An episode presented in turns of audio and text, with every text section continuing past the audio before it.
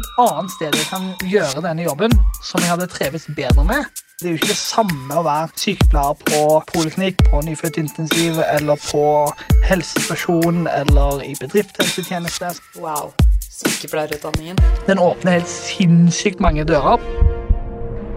Nå kommer det et lite stikk.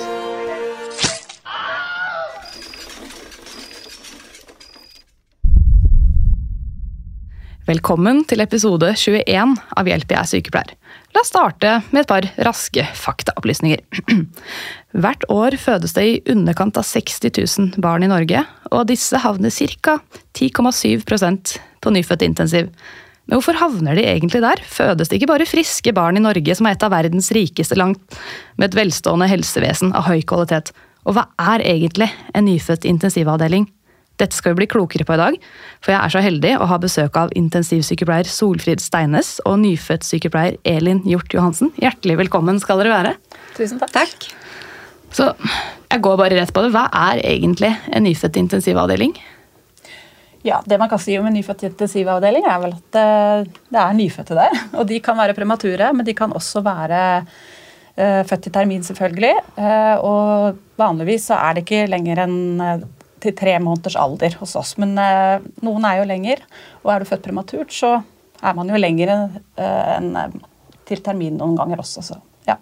Mm. Så det er rett og slett en intensivavdeling for babyer, enten fordi de er født for tidlig, eller fordi de er syke av andre årsaker. Ja, riktig. Ja, Det var forresten Elin som dere hørte snakke nå. Da kan jeg starte med de faste spørsmålene til deg, Elin. Hvorfor blei du sykepleier? Eh, først så hadde jeg opprinnelig ikke tenkt jeg skulle bli det, men så er jeg veldig interessert i pedagogikk eh, og opplæring. Og så hadde jeg ikke lyst til å jobbe i skolevesenet, og så tenkte jeg at eh, ja, det ville være spennende. I tillegg til at det var spennende med å kanskje redde noen mennesker og sånn, tenkte jeg den gangen. ikke sant? Nå får du gjort begge deler. Ja. Mm -hmm. Ville du valgt sykepleierutdanningen på nytt, tror du, hvis du kunne skru tiden tilbake? Ja, det tror jeg faktisk jeg ville gjort, for jeg syns jeg har fått veldig mye ut av ikke nødvendigvis utdannelsen, men yrket i etterkant. Alltid har fått utviklet meg videre med nye utdannelser innenfor det samme fagfeltet. og Det har vært veldig spennende og interessant og gøy. Så bra. Så er det det siste faste spørsmålet. Hva skulle du ønske at noen hadde fortalt deg om sykepleierutdanningen før du ble sykepleier? Uh, ja, det er, det er, faktisk litt vanskelig å svare på. Uh, så jeg tror jeg sier pass, faktisk. På ja. ja, men det er lov, det. Mm. Hei, Solfrid. Hei. Hvorfor ble du sykepleier, da? Ja, det er et godt spørsmål. Det kom nok som en overraskelse på vennene mine og familien min. Jeg har tenkt mye på det i etterkant. Jeg tror jeg ble bare sniksosialisert inn i omsorgsutøvelse. Jeg holdt på med andre typer studier og hadde en venninne som jobbet på sykehjem og begynte å ta ekstravakter der. og tenkte at hm, dette var jo noe helt annet. Og så var det kanskje litt tilfeldigheter. Eh, etter ett år i utdanningen så hadde jeg praksis på barsel, og jeg ble jo veldig fascinert av disse babyene. Jeg hadde jo ikke hatt så mye erfaring med babyer tidligere. Eh, men jeg hadde alltid vært veldig glad i, i dyr. Ja. og vært med i ferier og sånn på lammefødsler og grisefødsler. Og så, så akkurat dette med obstetrikk og nyfødte babyer, det, det, det var veldig engasjerende. Så ja. Mm.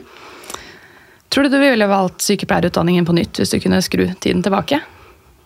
Ja. Er, på samme måte som Elin så syns jeg jeg har fått eh, veldig mange muligheter underveis. Eh, ble jo sosialisert eh, inn i utdanningen, kan du si, men akkurat å velge nyfødt intensiv som fagfelt det angrer jeg jo i hvert fall ikke på. og Jeg har jo vært så heldig at jeg har fått følge fagets utvikling over lang tid, og også kompetansebygging og utdanning, videreutdanning og nå masterprogram i nyfødt sykepleie. Jeg har jo vært involvert i den prosessen hele veien. Ah, dette skal bli så spennende. Så er det bare det aller siste spørsmålet. Hva skulle du ønske at noen hadde fortalt deg om sykepleierutdanningen før du ble sykepleier? Ja, hva skal man si om det? Sykepleierutdanningen det føler jeg er veldig lenge siden. Sykepleieryrket så, så er det jo mye fokus på eh, dette med vaktbelastning og sånn, men jeg syns eh, egentlig det har vært en fordel, fordi det genererer jo mye fri som du kan bruke til å, å, få unna ting når det ikke er masse folk eh, og masse kø rundt omkring. Så, så jeg ser ikke bare negativt på det med turnus og vakter. Jeg syns det eh, har vært, fungert bra.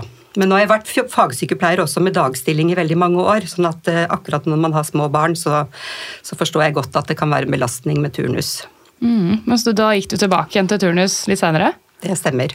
Ja, men Det er kult. Det er bra at noen er positive til turnus òg, så vi ikke skremmer vekk en hel ny generasjon. ok, men Solfrid, du jobber jo på nyfødt intensiv på Ullevål. Kan du ikke fortelle litt hva dere driver med der? Ja, uh, Ullevål har jo den største nyfødt-intensivavdelingen i landet. Uh, 27 plasser.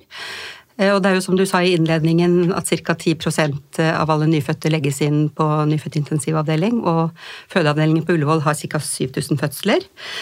Så vi har ca. 700 innleggelser i året. Og det kan være alt fra barn som trenger kortvarig behandling for infeksjon, kanskje for blodsukkerproblemer, lett premature, til Eh, mer alvorlig syke barn, som etter fødselsasfyksi, eller ekstremt premature som har lange forløp, som du også eh, nevnte, Elin. Kan du bare si kort hva asfyksi er? Ja, Asfyksi det er barn som, hvor det har skjedd noe eh, i tiden før eller under fødsel som gjør at barnet får eh, surstoffmangel. Så eh, hvis, Vi har jo kriterier for eh, hvilke barn som skal ha såkalt eh, terapeutisk hypotermibehandling.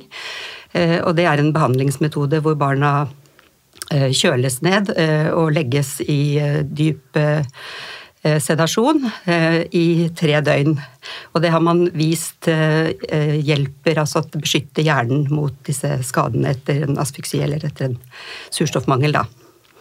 Det er ganske spennende, for det er vel ikke alle steder i Norge som gjør sånn type behandling? Det er, det er regionsykehusene som gir sånn behandling. og Eh, Ullevål har vel kanskje flest eh, av disse, disse pasientforløpene i landet.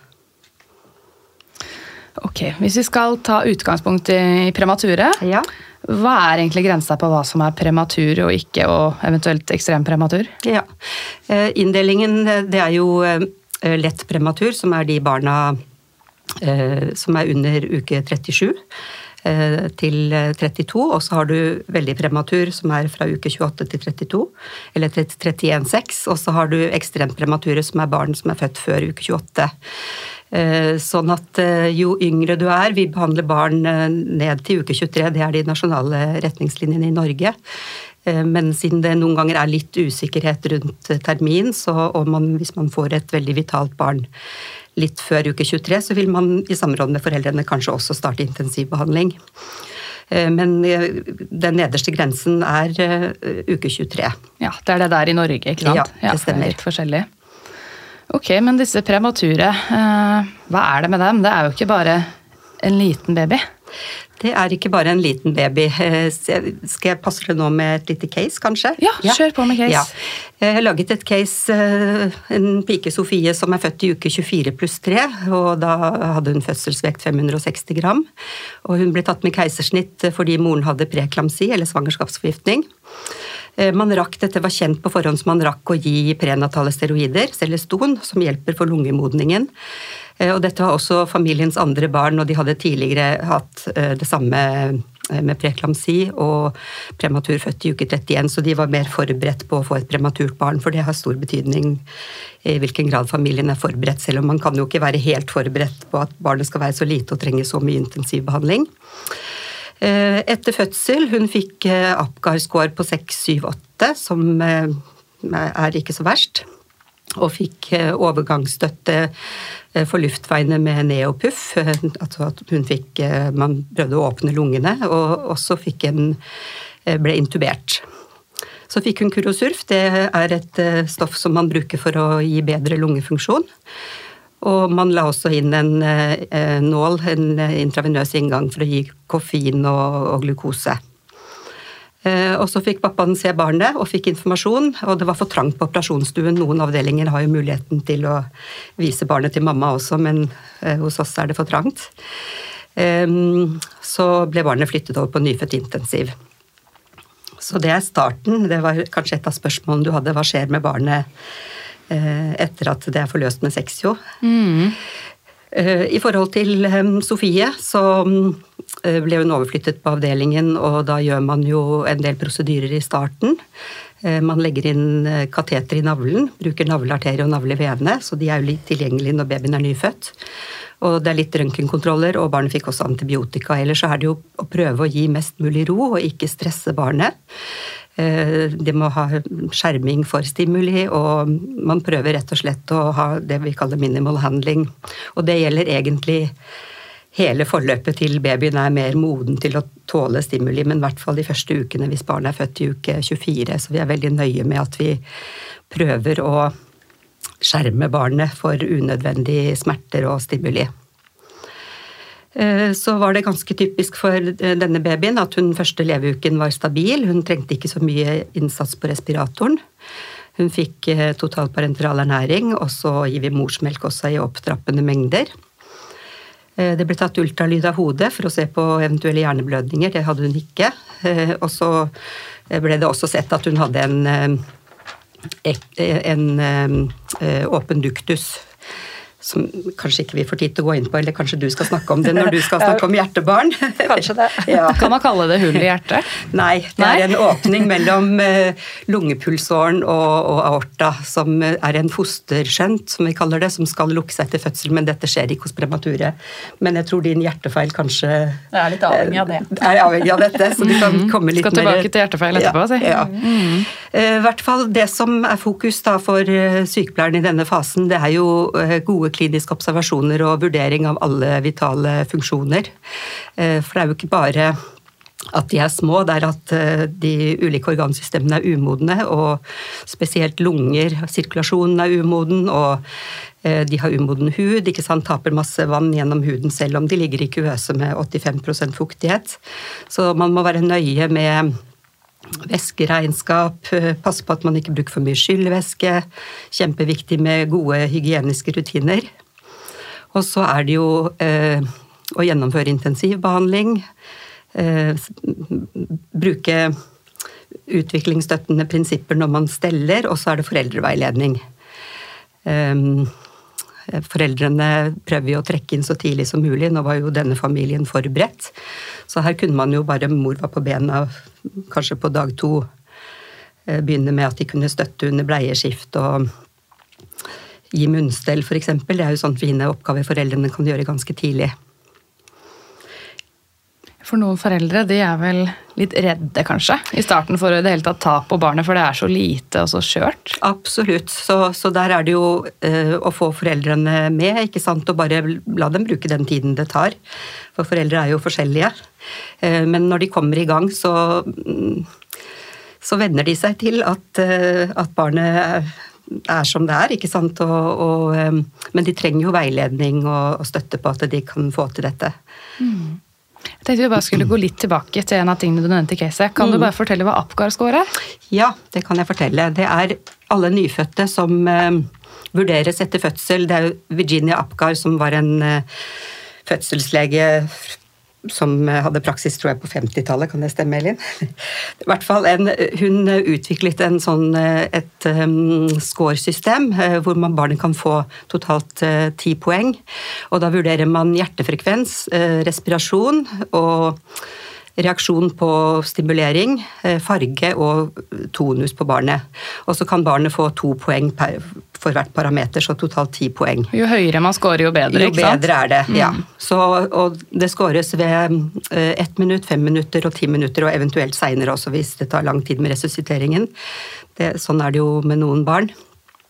Eh, så det er veldig viktig at eh, når vi har mottak, eh, at man med en gang barnet er født, at man setter på klokken på asfiksibordet. For dette går på minutter etter fødsel, hvor bra man skårer. Ja. Mm. Mm. Veldig greit å vite om. Også det navle-arterie-venekateteret. Ja. Mange har jo kanskje vært borti sånn CVK, så det her er på en måte de nyfødte sin CVK. Den går inn i navlen. Det er ganske kult. Det stemmer. Mm. Så, men vi kan ikke beholde de kateterne så veldig mange dager, for navlestumpen den er jo brukbar kanskje bare en uke. Ja, for den, ja. Eh, hva skal jeg si, gror igjen, for den går jo egentlig inn leveren og videre opp til hjertet, hvis jeg husker riktig. Men eh, det gror sammen og blir bare et sånn lite ligament. Man, ja. man, man kan bruke det ca. en uke. Vi, vi, pleier å ta ut de kateterne i løpet av en uke. Og etter det så er det da veneflon eller andre typer katetere? For de ekstremt premature så vil vi legge et sånt uh, det vi kaller longline, som er et sentralt kateter, men som legges inn perifert, da. Mm. Så allerede her Så- har vi en del sykepleierprosedyrer med stell og observasjon av disse kateterne. Ja, og hygiene og forebygge infeksjoner. For det, de tåler De har veldig um- umodent immunsystem, og de tåler eh, er veldig sårbare for infeksjoner. Så alle stikkprosedyrer, eh, all håndtering med sykehusflora, ikke sant. Vi representerer jo sykehusflora. Men det vi kan gjøre, som også er viktig av mange grunner, eh, både for eh, kontakt og for eh, eh, kjærlighet og for eh, stressreduksjon og også for infeksjonsprofylakse, det er å legge babyen ut til foreldrene hud mot hud. Snakker vi kengurumetoden, da? Nå snakker vi kengurumetoden, så det bør vi gjøre så fort barnet er stabilt nok til å kunne tas ut av køsen. Nå husker jeg det med kengurumetoden. Det har jo en litt sånn spesiell historie. Vil du fortelle litt sånn raskt hvordan man fant ut at kengurumetoden var bra? Ja, Det kan jeg gjøre. Det var jo på eh, 80, 1978, begynnelsen av 80-tallet i eh, Colombia. Eh, hvor det var en, eh, tror jeg, en fødselslege, det jeg husker ikke helt navn, men i hvert fall som eh, det var mangel på utstyr. Eh, og barna, man oppdaget eh, at barna som ble lagt hud mot hud og ble båret hud mot hud med mammaen, de overlevde i større grad enn de som ble separert fra mammaen. Og de, de ga også De lå hud mot hud hele døgnet, faktisk. eh, Ble båret rundt. Eh, Og de var jo selvfølgelig ikke så umodne som denne pasienten i caset. Altså, de kunne jo puste selv og, og sånn. Mm. Og mammaen eh, eh, klemte ut eh, morsmelk, og barnet fikk på skje. eh, og de så at eh, det ble mye bedre overlevelse hos de barna som lå hud mot hud, pluss eh, at de hadde lagt merke til at de barna som hadde eh, ble liggende i kuvøse, hvor foreldrene på den tiden ikke hadde tilgang til avdelingen på samme måte som i dag. De, var, eh, de ville ikke ta barna hjem. De hadde ikke knyttet seg til barnet, så de så denne kenguru de som fikk kenguruomsorg, så var det jo ikke noe tema at ikke barnet skulle hjem.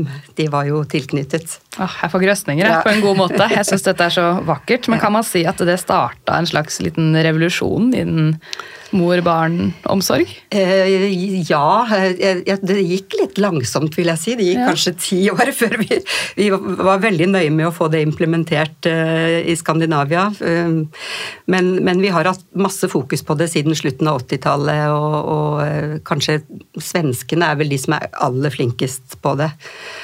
Men vi har mye fokus på det i vår setting også. Da er det kanskje noen som lurer på hvor tidlig kan man begynne med kenguru på de ekstremt premature? Mm.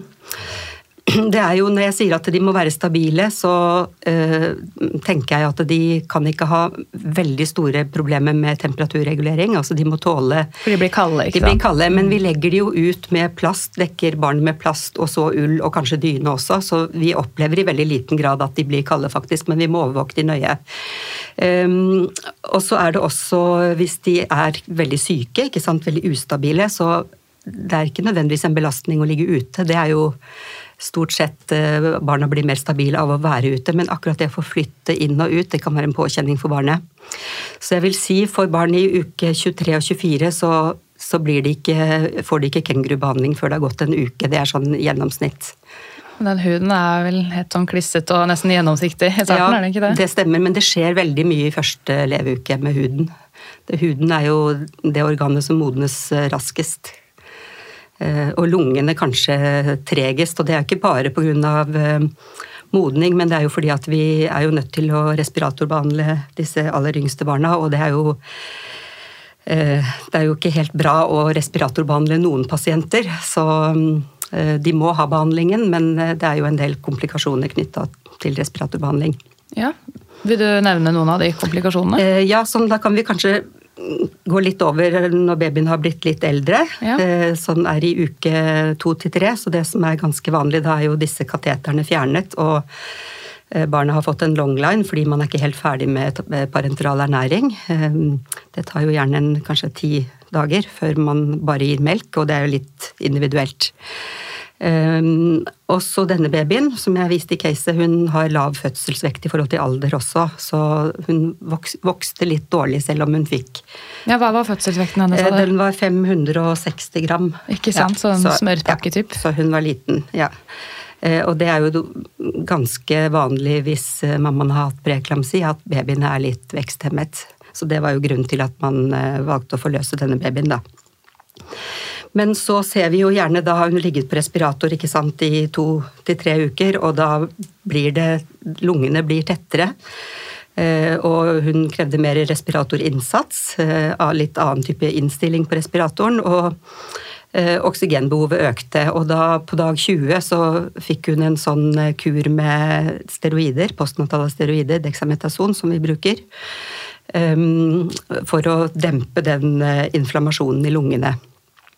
Og Noen ganger bruker vi det hvis vi tror vi kan klare å ekstubere pasienten til CPAP, mens for hennes del så hadde ikke hun vokst så mye, så man tenkte at det ikke var så realistisk at hun ville klare alt pustearbeidet selv. Så hun, der var det mer å gi henne denne kuren for å optimalisere respiratorbehandlingen og ikke gi så høye trykk og store volumer, for det er jo også lungeskadelig.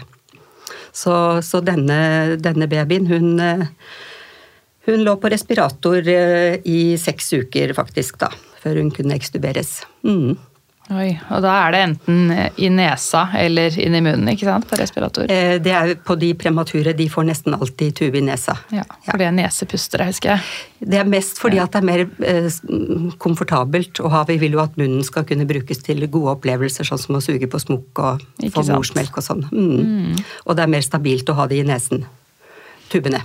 Men det er mye som dreier seg om pusten, da? Mye dreier seg om pusten. Man driver masse med vurdering av eh, pusting. Eh, både når barna ligger på respirator, men også etter hvert når de kommer på CPAP. For det de gjør, de premature på CPAP, det er at de tar seg pustepauser. Apneer. Apneer, ja. Mm. Pling, pling, sier vi i skopet da. Det gjør det. Mm. Så, og det kan jo være eh, skummelt også for foreldrene og også for ansatte hvis ikke de er så vant til å passe premature barn. fordi når de ligger på CPAP, så har jo ikke alltid de som passer de, veldig lang erfaring. Så det kan være en eh, skummel opplevelse hvis babyen er litt treg til å starte å puste igjen og få litt fargeforandring og For disse apneene, da kan det falle i puls, og det kan falle i metning. Og mm. det, jeg jobba jo på Nyfødt intensiv selv et år. Det var et lite sjokk for meg, fordi jeg har jo bare jobbet med voksne. Og hvis de på en måte fikk metning på sånn 8-9, så var det sånn å herregud, nå er det skikkelig dårlig. Men disse nyfødte kunne jo få en metningsfall ned til sånn 40% og pulsfall ned til 50 som er ganske lavt for en baby. For de har jo mye høyere puls enn voksne. Men ja, så blir man jo litt mer vant til det. Men det, det var litt sånn oi, er dette farlig, er dette krise nå, eller ikke? Det stemmer at det, det, det, er skummelt, og det er jo skummelt for foreldrene også. For de er kanskje vant til, i hvert fall i forhold til dette caset, så er de vant til eh, at barnet ligger på respirator, og så kommer hun på CPAP, så skal hun ordne all, all pusting selv. Eh, så selv om de har mer erfaring da, eh, og barnet har blitt større, så, så er det ganske Kan være skremmende, særlig hvis de ser fargen blir veldig blek og mm.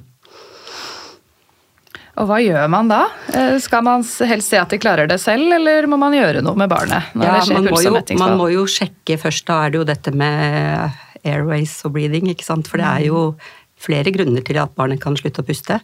Eh, det kan være mekaniske grunner, sånn at eh, f.eks. en CPAP-masken har vrengt seg, sånn at barnet ikke har frie luftveier. Eh, eller at masken bare dekker det ene neseboret, eller man har klemt av begge neseborene. Altså det, er, det, kan være mekaniske. Man må sjekke hva er grunnen til at barnet har en pustepause. Det kan også være at barnet presser med magen. ikke sant? Eh, vi gir de jo ekstra beriking eh, i morsmelken, sånn at de sliter en god del med fordøyelse, spesielt på CPAP, hvor de får masse luft også i magen ofte. Eh, så hvis de trykker masse med magen, så klarer de ikke å puste samtidig. Så man må se litt hva er grunnen til at denne babyen har pustepause eller apné. Men det kan også være apné er jo et tegn på at barnet holder på å bli syk. ikke sant? Kanskje får en infeksjon, er helt eh, medtatt og utslitt, orker ikke lenger å ligge på CPAP. Så, så, så man må Tiltakene må skreddersys til eh, årsaken. Så men man må gjøre noe, selvfølgelig. Mm. For noen ganger så kommer barnet seg selv eh, hvis det trykker f.eks. og trekker pusten før neste trykk kommer. Så, så, trenger man kanskje ikke å stimulere, men ellers så er det jo å sikre frie luftveier. Noen ganger må man stimulere litt. Å stimulere det er å klappe stryke, på ryggen? Stryke? Stryke over mm. ryggen, ja for å få barnet til å trekke pusten. Og noen, ganger, og noen ganger kan det være slim, gulp. Da må man jo sørge for å fjerne det, suge det opp, sånn at barnet får fri der igjen. Og noen ganger trenger det litt ekstra oksygen. Ja. Ja, så, Men dette er fascinerende. altså Mm. Apneer det kan være alt fra luft i magen til begynnende sepsis. rett og slett. Det, det kreves eh, noen år erfaring da, for å skjønne hva dette kommer av.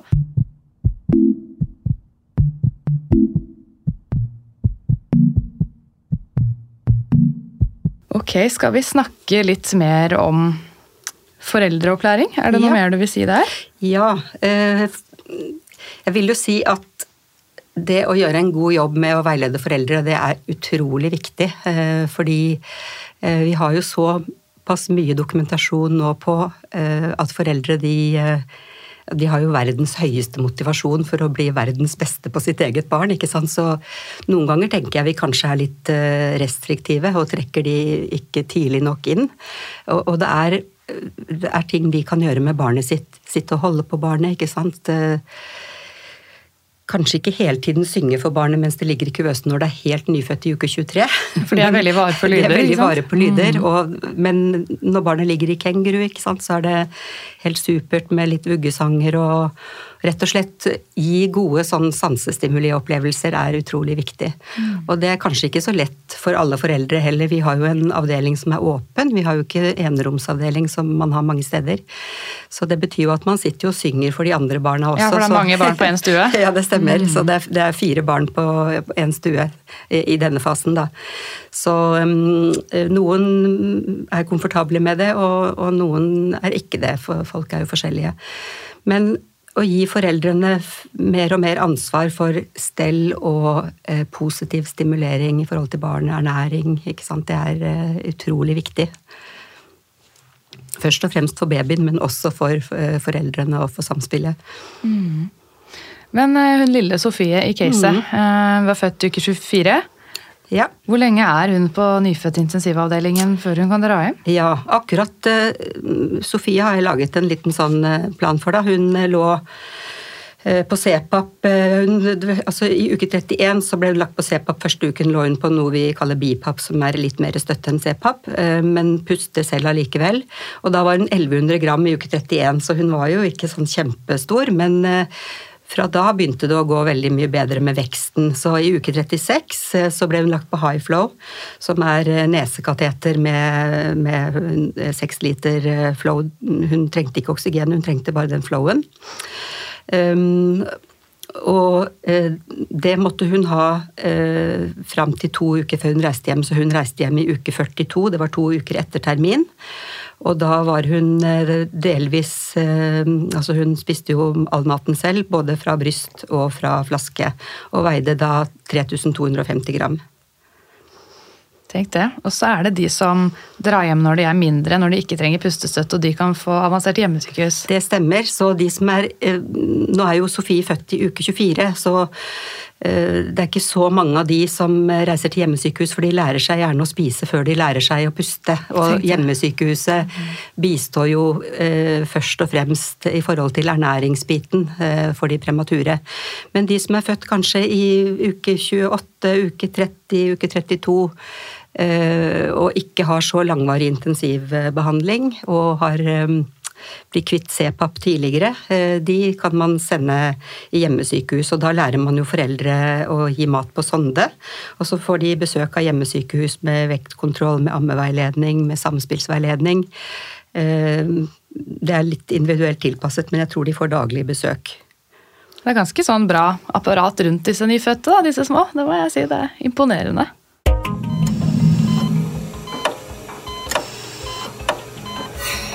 Ok, Elin, nå vil jeg høre litt om nyfødtintensiven på Rikshospitalet, og hva dere driver med der, for jeg er ikke så kjent med den avdelingen. Nei, øh, jeg vil si at på Rikshospitalet så gjør vi veldig mye spennende. Det er en veldig øh, variert pasientgruppe. Eh, Vi får jo en del av disse premature som Solfrid har snakket om. eh, Og i tillegg også noe asfyksi, som er, øh, er mest på Ullevål. Men vi har øh, utredning av mange ukjente diagnoser og sjeldne diagnoser. Og vi har også veldig mye kirurgi. Så vi har øh, bl.a. mye tarmkirurgi. Eh, og vi har eh, nevrologisk utredning. eh, og vi har forskjellig Ja, vi bruker Jevnt og trutt så har vi en dialysepasient pga. utfordringer med nyrene. eh, og urinutskillelse. Eh, Og så har vi også de siste årene fått stamcelletransplantasjonpasienter som Oi. behandler hos oss. Eh, Og min, mitt hjertebarn er hjertebarna, egentlig. Ja. Så, og, du kan si at på Ullevål er det kanskje lengre forløp for de fleste pasientene, fordi det er flere av de ekstremt premature. Mens hos oss er det mer ut og inn av pasienter til undersøkelser, og vi får mange pasienter fra som både vi har regionalt ansvar for og nasjonalt ansvar for. Så vi får pasienter fra lokale sykehus som har, hvor kanskje det har gått dårligere, og barnet utvikler en, eh, en nekk. Det er slik at de må komme inn til oss. Oh, hva er nekk? Hva står det for? Det er nekrotiserende entrekolitt, og det betyr at tarmen har fått uh, asfyktiske skader, egentlig Ja, så det blir nekrose og øh, kan råtne, da, rett og slett, for å si det på godt norsk. Ja, så da kommer de inn til oss, og så kan de få utlagt eh, en stomi i en periode før den blir lagt inn igjen. Og da har vi også, fordi noen må fjerne såpass mye at de også har da et korttarmsyndrom. Det betyr at det, det tar lang tid å komme seg av en eh, total parenteral ernæring. Ja, for da sliter tarmen med å ta opp næringsstoffene fordi Ja. den er kort, Mm. rett og slett. Men det er jo Kirurgien er mye hos oss fordi at vi har jo mye kirurgi generelt også på voksne og andre barn på Rikshospitalet. Mm. Eh, Blant annet så hvis det hadde gått veldig galt med Sofie, eh, og hun ikke Eller hun måtte ha en eh, eller hadde veldig alvorlig BPD, så er det noen av de som får trakeostomi, dvs. Si at de får et hull i halsen hvor man legger ned en, en tube, sånn at de kan ha respirator og allikevel få positiv munnstimuli og, og sånn eh, over tid. Så det er slett. altså som skjer hos oss. Ok, men disse hjertebarna, hva, hva er det som er feil med hjertet? Og er de født sånn, eller er det noe som skjer med hjertebrott etter fødsel? Eh, ja, du kan si hva er det som er galt med hjertet? Det kan være alt mulig. Eh, det man kan si om hjertefeil, er vel at det kan bestå av det kan være hull, det kan være forsnevringer og det kan være underutviklet vev som gjør at eh, hjertet ikke fungerer sånn som det skal. Det kan mangle kar, eller det kan være ekstra kar, så du har alle muligheter, egentlig. Eh, Det som eh, er, er at i årlig så fødes det ca. 125 eh, barn med, med alvorlig medfødt hjertefeil. Og disse barna er da ofte innom eh, Rikshospitalet i tidlig fase for å få en operasjon for å rette på disse hullene eller forsnevringene eller hva det måtte være som er galt. Og det er jo et, en stor pakke med forskjellige hjertefeil, eh, og ingen hjertefeil er helt lik. Eh, Men det er jo noen sånne pakker, kan man si, da. Og de mest alvorlige de er de som man kaller for duktusavhengig hjertefeil. Hvor den duktusen som vi snakket om i sted Duktus arteriosus? Er det den Eh, heter? Ja, det heter den. Mellom eh, pulmonalarterien og aorta så ligger denne duktus. da. Og den er der under svangerskapet fordi den skal gjøre at man får god blodtilførsel med høy oksygenmetning til hjernen, og sørge for at eh, det er en slags skjøntbasert sirkulasjon i, i barnet. I fosterlivet? Ja, for da går det ikke noe særlig blod til lungene, fordi de er jo ikke i bruk. Det stemmer. De puster gjennom Mm. navlesnora. Der er det i utgangspunktet ganske høyt trykk. Og så er det lavere trykk i kroppen, sånn at eh, blodet sirkuleres mer opp til hjernen og til eh, kroppen. For med det normale, friskfødte barnet så skal denne duktusen lukke seg, lukke seg det i løpet av tre dager eller noe sånt? Ja, det varierer nok eh, litt, grann, men eh, tre dager kan også gå uker. Ja. Men så er det disse som da bare ikke vil lukke seg på, og da, da går det ikke noe blod dit det skal, eller blod går feil vei. Ja, ofte så er eh, det største problemet med de duktusavhengige, det er da ønsker vi at den skal gå eh, gjennom duktus, fordi at barnet er avhengig av at den står åpen.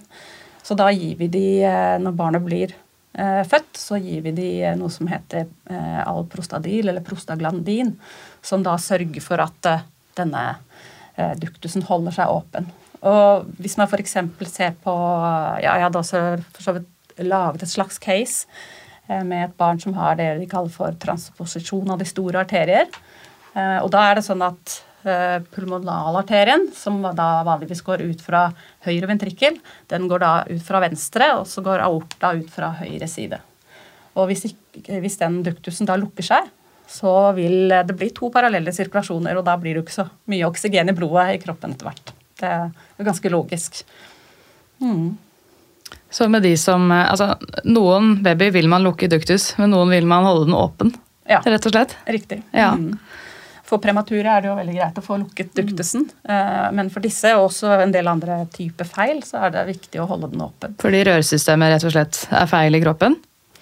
Ja, man kan også si det på den måten. At Ja. eh, det enten sånn som jeg forklarte nå, med denne transposisjonen, eller at det kan være andre forsnevringer som gjør at det ikke kommer blod til én side av kroppen. Det kan både være i lungene, eller det kan være kroppen som ikke får eh, eh, eh, bli sirkulert hvis den lukkes. da.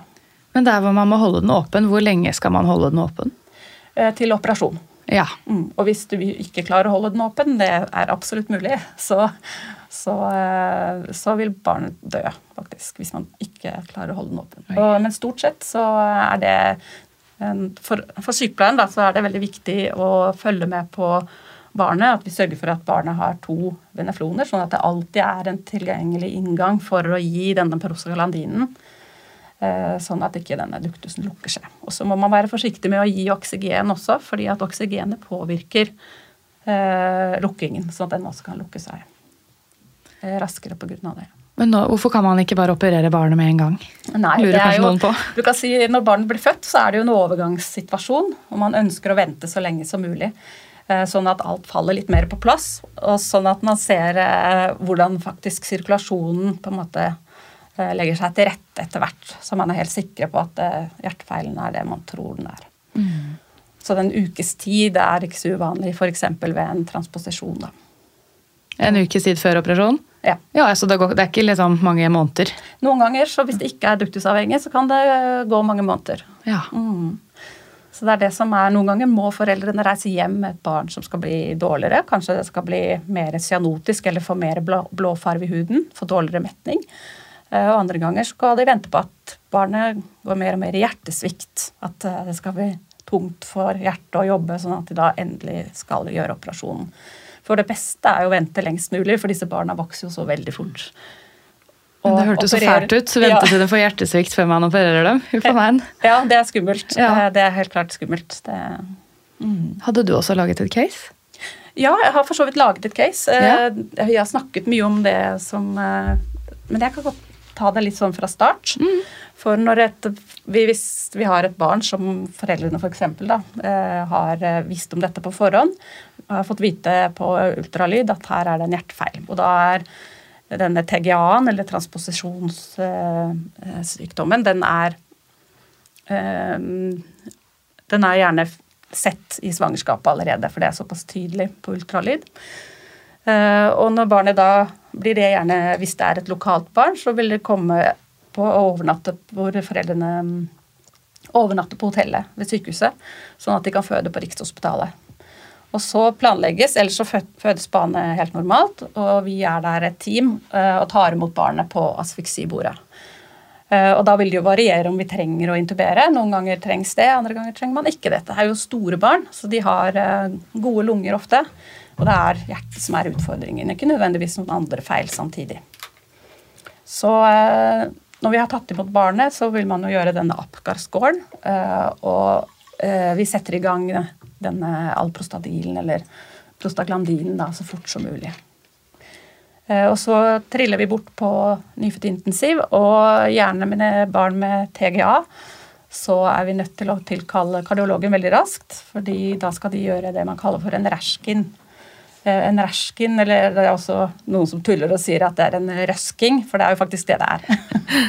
og det de gjør da, da går de inn gjennom navlevenen, og så går de opp til eh, atriet.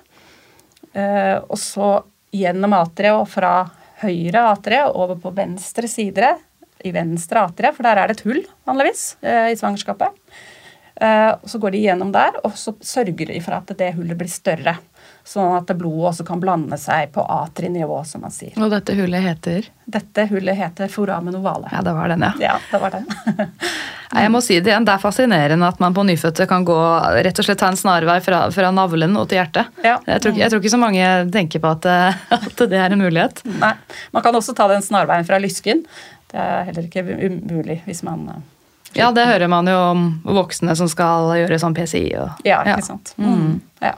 Nei, altså når det er gjort, så har man på en måte sørget for at det er en bedre blanding av blodet, sånn at barna har en metting metning som ligger rundt ja, 70-80. Det kan jo noen ganger også være lavere, men dette er jo sånn som vi følger med på hele veien. Så, eh, og I etterkant da, så prøver man gjerne å avslutte den alprostadilen, for den er litt eh, plagsom for barnet. Barnet kan bli veldig urolig av eh, alprostadil. Og det er også en ris viss risiko for at barnet kan slutte å puste, og man kan få blodtrykksfall. Det er en del bivirkninger da, som man helst vil unngå. Så man prøver å skru den av, og så ser man om det går bra. Og da må man se på metningen. Da har man metting i den hånden som er øh, ved høyre hånden, for å se på premetning, og så har man en på foten for å få postmetning. Pre og post duktal, før eller etter duktus, dette Ja. hullet som vi snakka om i stad. Nemlig. Et Ja, veldig viktig hull. på Forskjell på om man måler metningen på høyre eller venstre hånd, rett og slett? Eller høyre eller ja. Ja, det må bli høyre hånd, og så må det bli eh, en av bena. Fordi at man vet ikke helt sikkert i hvilken grad du skår ut eh, før eller etter den, det karret som går til venstre arm. da. Sykepleierne som jobber på Riksen, de må bli ganske drilla på, på hjertebarn, da. Ja, vi har prøvd å lage et, eller vi har laget et kurs som er ganske grundig. Så de har en hel dagskurs. eh, Og vi har også laget e-læring som alle skal gå gjennom. Så, og vi har følgedager, sånn at eh, sykepleierne skal bli trygge på å forstå medfødt hjertefeil. Skal vi gå litt inn på trainee-program og sånt nå, eller ville du si noe mer om caset? Eh, ja, det eneste jeg kunne tenke meg å si, det er egentlig at uh, disse foreldrene, uh, samtidig som foreldrene på de prematurforeldrene er uh, redde, så er jo disse også redde, som du skjønner. Så ja. det jeg jobber med nå, det er en sånn app som gis til foreldrene på avdelingen vår etter at de er ferdig med å operere, sånn, sånn at de kanskje kan føle seg noe tryggere og fange opp hvis barnet skulle bli dårligere når det er hjemme. Så det, det er veldig viktig arbeid med foreldrene å få de trygge på dette. Med en app, rett og slett. Ja. Og hva er det appen gjør så at foreldre kan bli tryggere på barnet? De lærer foreldrene å vite hva som er det normale for barnet sitt. For hjertebarn har forskjellig normal, så da lager de en normal for barnet sitt. Så når de kommer hjem, så kan de gjøre vurderinger basert på spørsmål, basert på det normale, og se om det er en endring som de da har lært. At de er loggfører ting med barnet? At det rett og slett blir en liten journal? Ja, det blir en sjekkliste. Ikke så voldsomt med journal, men i hvert fall en sjekkliste så de kan sjekke hvordan det går med barnet sitt. Mm, Men hvilke ting er det, da, som de sjekker på den Eh. Det kommer litt an på barnet, hva som er den diagnosen barnet reiser hjem med. Noen ganger så er det jo dette med allmenntilstand, eh, hvordan barnet puster, eh, er, hvordan de spiser, om de gulper, om de sover godt, er urolige og sånn. Eh, Og er det, så er det litt avhengig av hva slags hjertefeil. Noen ganger må de se etter om barnet blir mer eh, cyanotisk eller blått. Andre ganger om de har kanskje mer klam og kald hud eh, i forhold til hjertesvikt. Eh, Og eventuelt metning hvis det barnet trenger å reise hjem med det. da. Ja, for noen reiser hjem med metningsmåler. Ja. Mm.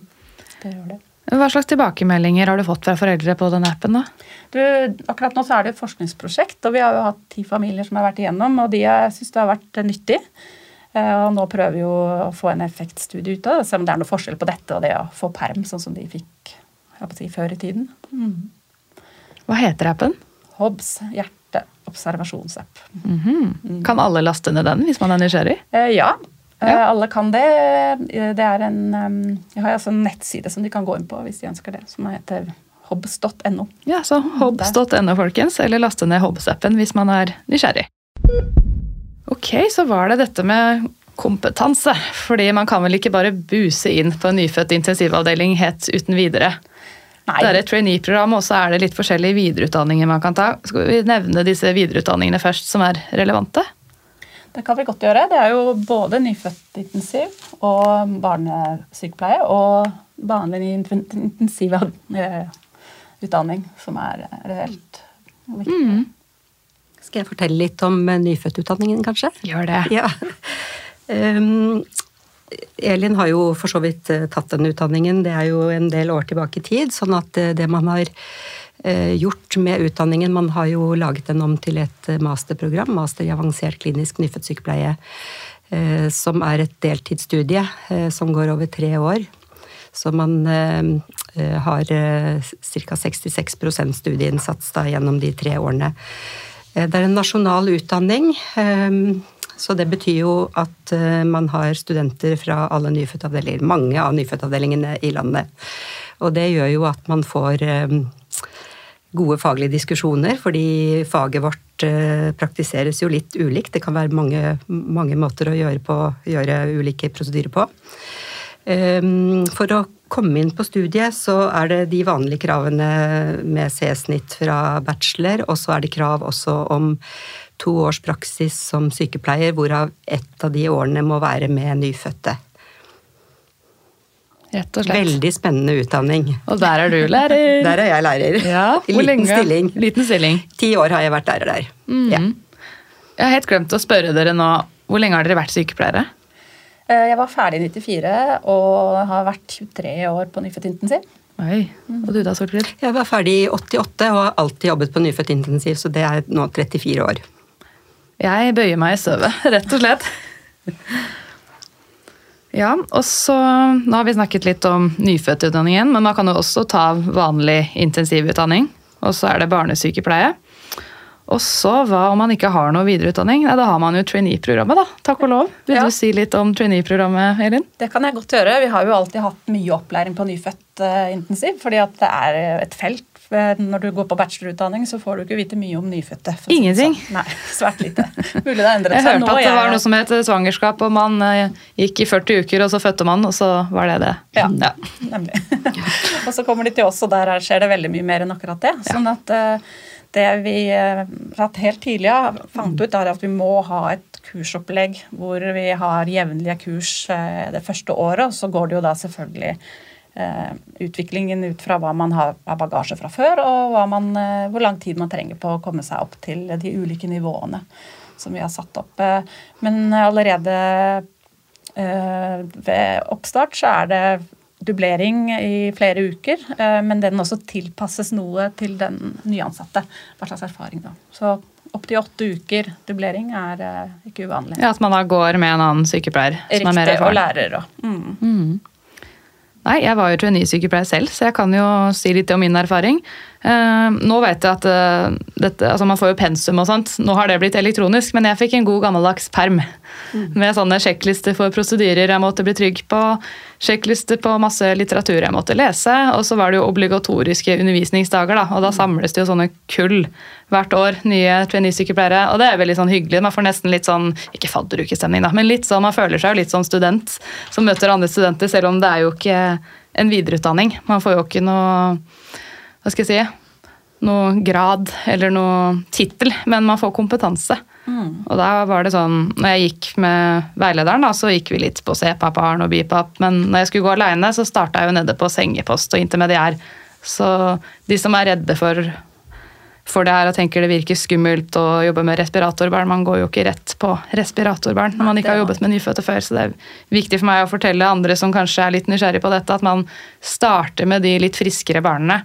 Og så får man gradvis mer opplæring, og så går man på, og så får man CPAP og BIPAP-kompetanse, og etter hvert respirator, kanskje etter halvannet år. Det kommer litt an på, som dere sa, forutsetninger fra før av erfaring. Men det er veldig bra, for da får man jo en grei pekepinn på om man kanskje tenker å ta en videreutdanning seinere.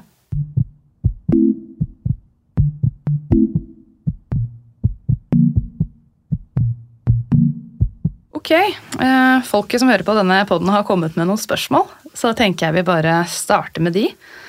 Hva skjer med barnet når det er levert fra operasjonsstuen etter hastekeisersnitt? Da var vi jo litt inne på det i stad. Men det kommer vel også litt an på hvor sykt barnet er. Men er det hastekeisersnitt, så regner jeg med at det er ganske sykt, men da er det vel inn på asfiksirommet. Det stemmer. Ehm, Sånn som eh, Vi har jo egne beredskapsansvarlige som går med calling. Eh, Og på Ullevål, det er jo en stor fødeavdeling, og da er det ganske mange alarmer faktisk eh, som går, hvor sykepleier og først og fremst barnelege selvfølgelig blir tilkalt. Eh, Noen ganger så vet man om barn som er i fødsel, ikke sant, hvor man regner med at man blir tilkalt, men det er også eh, ganske mange callinger hvor det er uventet dårlig barn. Så det kan jo være en asfyksi, men det kan også være en baby som er litt slapp og som kommer seg ganske raskt. Men eh, man blir tilkalt, og da er det jo flere steder. Det er jo både på operasjon, eh, men det er jo også på Det er to fødeavdelinger på Ullevål, så mm, man, der er det asfiksirom tilhørende de fødeavdelingene.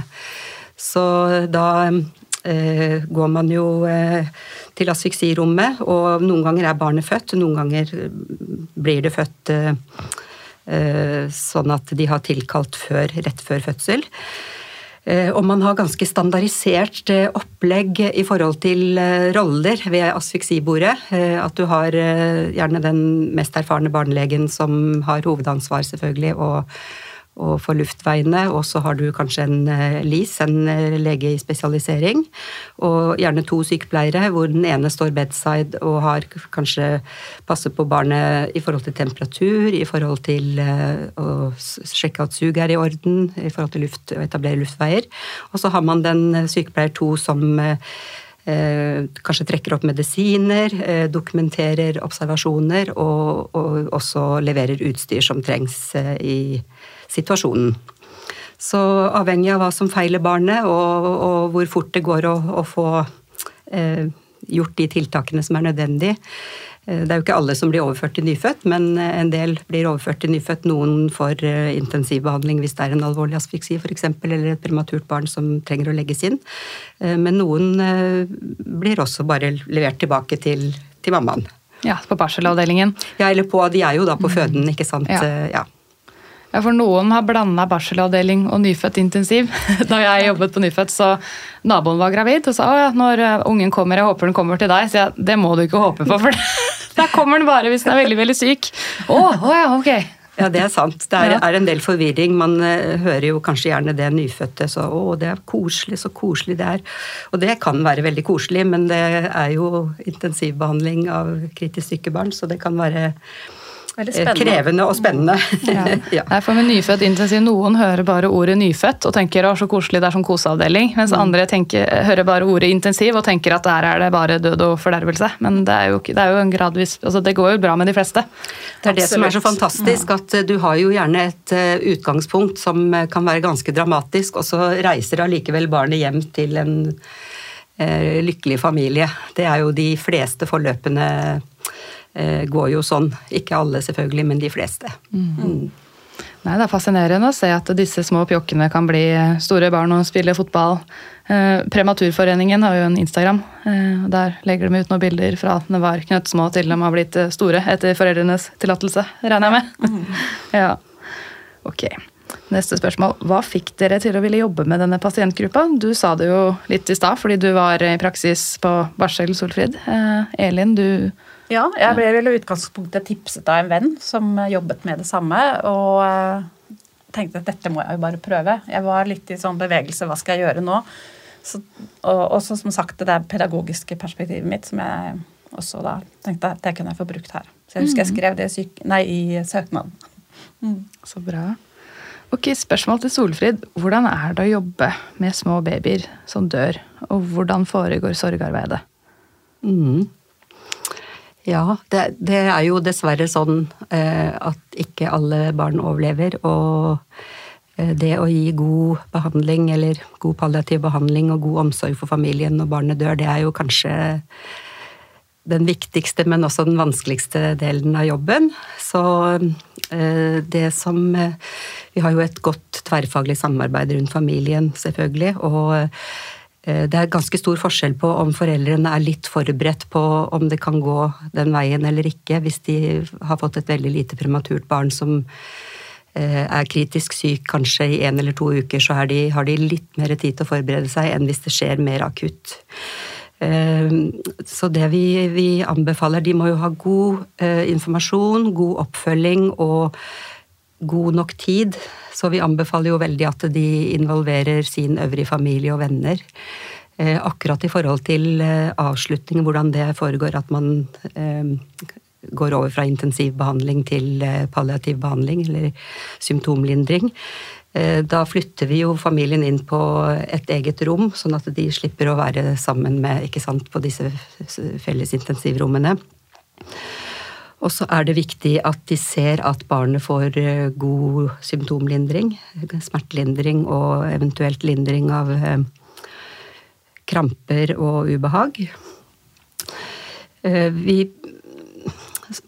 man trenger ikke alltid å si så mye, for det er det mange som lurer på. ikke sant? Sykepleiere som gruer seg til dette, for det tar jo litt tid selvfølgelig før man blir tildelt en sånn type familie. Men det at man er til stede og er tilgjengelig og ikke nødvendigvis trenger å, å si så mye, for det er jo ikke så veldig mye å si i sånne situasjoner, men at de opplever at man viser omsorg, at man legger til rette for praktisk, gir sant, mat og drikke og sørger for at barnet har god symptomlindring. Så har vi jo også sjekklister, sånn at vi øh, følger opp i forhold til eh, alle disse praktiske tingene som skal eh, eh skje, eh, både etter at barnet er død, og også Vi har jo godt samarbeid med sosialkurator som tar seg av det praktiske mm, i forhold til veiledning med begravelse. Så vil de også få tilbud om sorggrupper, men det får de jo litt seinere, i etterlattesamtaler litt seinere. Det vi også bruker, prøver å lage mest noen veldig fine minnebøker. For foreldrene har jo ikke alltid fått anledning. De fleste tar ganske mye bilder og filmer, men vi tar også mange bilder eh, og lager sånn fine minnebøker og eh, fotavtrykk og håndavtrykk. og, og det, er, det, får vi mye tilbakemeldinger på at det betyr mye for foreldrene i etterkant. At de har fått konkrete minner. Mm.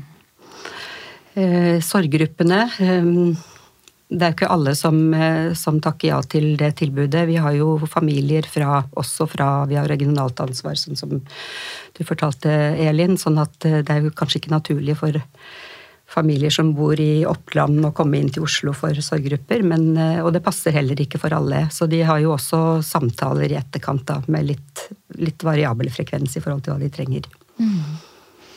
Nei, Med det spørsmålet så virka det som at at det er veldig vanlig, men som vi nevnte i stad, det går jo bra med de fleste. Mm. For jeg tror at det her er en av de tingene sykepleier tenker, og jeg vet ikke om jeg kunne jobbet der pga. det. Mm. Men så er det vel også noen som har tatt videreutdanning i barnepalliasjon. At noen har sånn ekstra hjerte for å jobbe med disse familiene, da. Ja, det, det stemmer. Mm. mm. Det er en egen eh, eh, jeg tror det er, er det 30 studiepoeng. Det er i hvert fall en egen eh, utdanning i barnepalliasjon. Kort videreutdanning. Mm. Nå må vi over til noe mitt uh, mer hyggelig. Spørsmål til Elin. Hvilke sykepleierprosedyrer syns du er mest spennende som dere gjør på Riksen? Det er kanskje ja. ikke hyggelig, da, men det er litt mer oppmuntrende. Ja, jo, det kan være hyggelig. Jeg tenkte litt på det spørsmålet, og der syns jeg vel egentlig at det vi, vi har mye teamarbeid på Rikshospitalet, og jeg syns eh, det er veldig Vi har mye ja, Mottak er jo et sånn type teamarbeid, men også det å å ha dårlige barn som skal på transport. Vi har mye intrahospitaltransport fordi vi gjør mye utredning og mye undersøkelser og forskjellig. Og da er det gjerne sykepleieren som har ansvaret for å eh, gjøre denne eh, transporten trygg og få dette systemet til å virke bra og få alle med på hva som skjer. Og det er veldig, veldig artig å være med på det når man føler at dette går litt sånn smakk, smakk, smakk. Faktisk. Det syns jeg Transport, altså med ambulanse? da? Eller? Nei, Nei. Eh, på Intrahospitalet hos oss så transporterer vi i kuvøse med en sånn um, skjøttel, som vi kaller det, som har gass og strøm, og som vi kobler til. Så kobler vi til respiratorer og sprøytepumper og, og, og barnet til alt dette utstyret. Eh, og sørger for at alt er på stell, sånn at vi, hvis det skulle skje noe underveis, så er vi klare til å gjøre hjerte-lungeredning, rett og slett, hvis det skulle oppstå. Og Mm. Wow, så trillende lite minisykehus, på en måte. Det kan ja. du si. mm, rett og slett. Hva er deres beste tips til nyansatte sykepleiere som ikke har jobbet med nyfødte før? Hvem vil starte? Jeg kan godt starte. ja. Eh, ja. Nei, man må jo være nysgjerrig, og så må man eh, bare være veldig aktiv. Og Eh, jeg vil slå et slag for at man prøver, når man har et barn, at man prøver å knytte den teorien man eventuelt har lært, opp mot det barnet. Sånn at jeg syns det er veldig smart å eh, Hvis du har en diagnose f.eks. som du ikke er helt sikker på, så google det bare underveis. Det er jo så enkelt tilgjengelig kunnskap i dag. Mm. Sånn at du, for det, det skjer noe med eh, læringen når du klarer å knytte teori og praksis sammen. Så selv om det er slitsomt å være i et, et trainee-forløp, så, så, ikke tenk at du skal lese i helgen, bare gjør just do it. uh, og, og, og, se også hvis du finner gode rollemodeller, for det, det fins jo masse gode rollemodeller, så bare sug deg fast. Ikke, og, og, og, og, bare se hva er det hun gjør som er årsaken til at, eh, at dette funker så bra. Lær av gode kolleger. Um, og så vil jeg også si én ting til, og det er at man må være tålmodig. Fordi man blir ikke ekspert på seks måneder.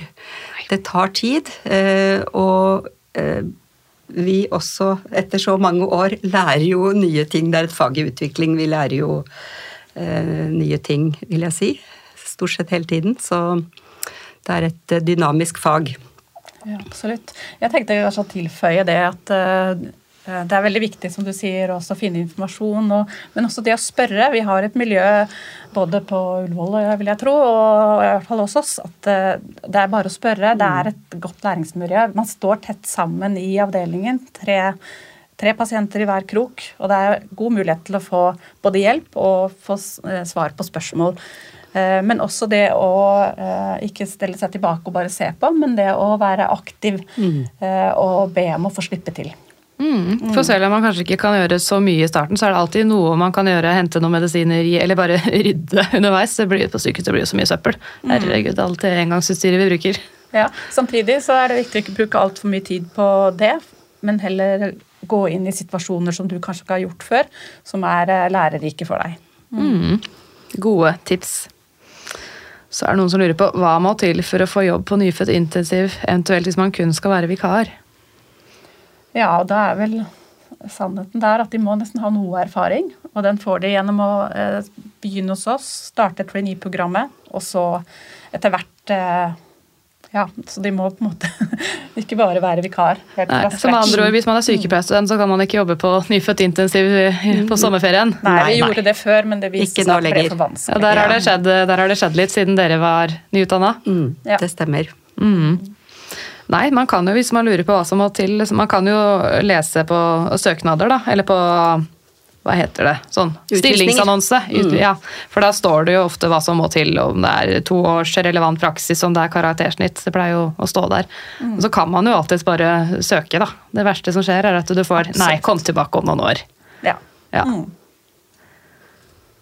Ok, spørsmål til Solfrid. Hva har utviklet seg mest innen nyfødtmedisin de siste 30 år? Oi, ja. Det har jeg veldig lyst til å svare på. Det er jo, jeg vil si at eh, den prenatale omsorgen, altså det man gjør før fødsel, har jo eh, utviklet seg. Sånn at eh, tidligere, sånn slutten av 80-, begynnelsen av 90-tallet, så fikk vi ganske mange sånne spontane premature fødsler, mens det er mye mer sjeldent i dag. Så de klarer å stoppe premature fødsler. De klarer å få gitt prenatale steroider, sånn at barn er i bedre forfatning når det blir født. Så de har gjort en bedre jobb, og så har vi gjort en bedre jobb på nyfødt. Eh, bedre behandling, kanskje eh, Vi gir bedre kvalitet på omsorgen, og vi gir omsorg på barnets premisser. og Da vil jeg fremheve NEEDCAP, som har vært styrende. Det er jo utviklingsstøttende nyfødtbehandling hvor man tar utgangspunkt i den, den individuelle babyen, eh, og ikke overstimulerer og, og prøver å skjerme barnet for stress og smerte. Og det er jo masse Man kan bare google Needcap og så bare begynne å lese. Det har vært eh, viktig. Men også eh, at vi gir bedre ernæring til babyene. Vi ser jo at de skrives ut, i premature mer normalvektige enn tidligere. Og så er det selvfølgelig det som har skjedd med at vi gir Kurosuruf, har jo betydd veldig mye som lungemodning. For det gir man rett ned i lungene, gjør man ikke det? Det stemmer. Mm, det stemmer. Og så vil jeg si det er kanskje det aller viktigste, faktisk. Det er at man eh, involverer foreldrene mye mer systematisk. Eh, vi har jo alltid hatt skjønt, i hvert fall i min tid, at foreldrene er viktige for barnet, men nå gjør vi det mye mer systematisk, og det foreligger også mye mer forskning på hvor stor betydning eh, foreldreinvolvering, at de kommer eh, og lærer om barnet og er sammen med barnet og gir masse kenguruomsorg og blir trygge tidlig, hvor stor betydning det har for barnets videre vekst og utvikling. Det vet vi masse om i dag. Tror du vi kommer til om noen år se oss tilbake og tenke herregud, hva var det vi gjorde når vi separerte mor og barn så mye? Det tenker vi jo allerede Tenker vi nå. allerede, ja. ja. Det tenker, Det er bra. Det tenker vi. Ja. Ok, nei, men Solfrid og Elin, tusen hjertelig takk for at dere kom og gjesta podden min. Det har vært skikkelig ålreit å ha dere her. Tusen takk for at du kom. Ja, takk for at vi fikk komme.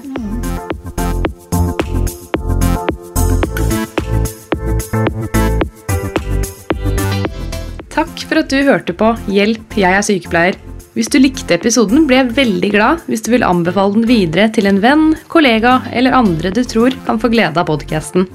Hvis du vil gi meg tips, tilbakemeldinger eller komme med ønsker for podkasten, så kan du enkelt sende meg en DM på Instagram. Der heter jeg Hjelp, jeg er sykepleier, med understrek mellom hvert ord.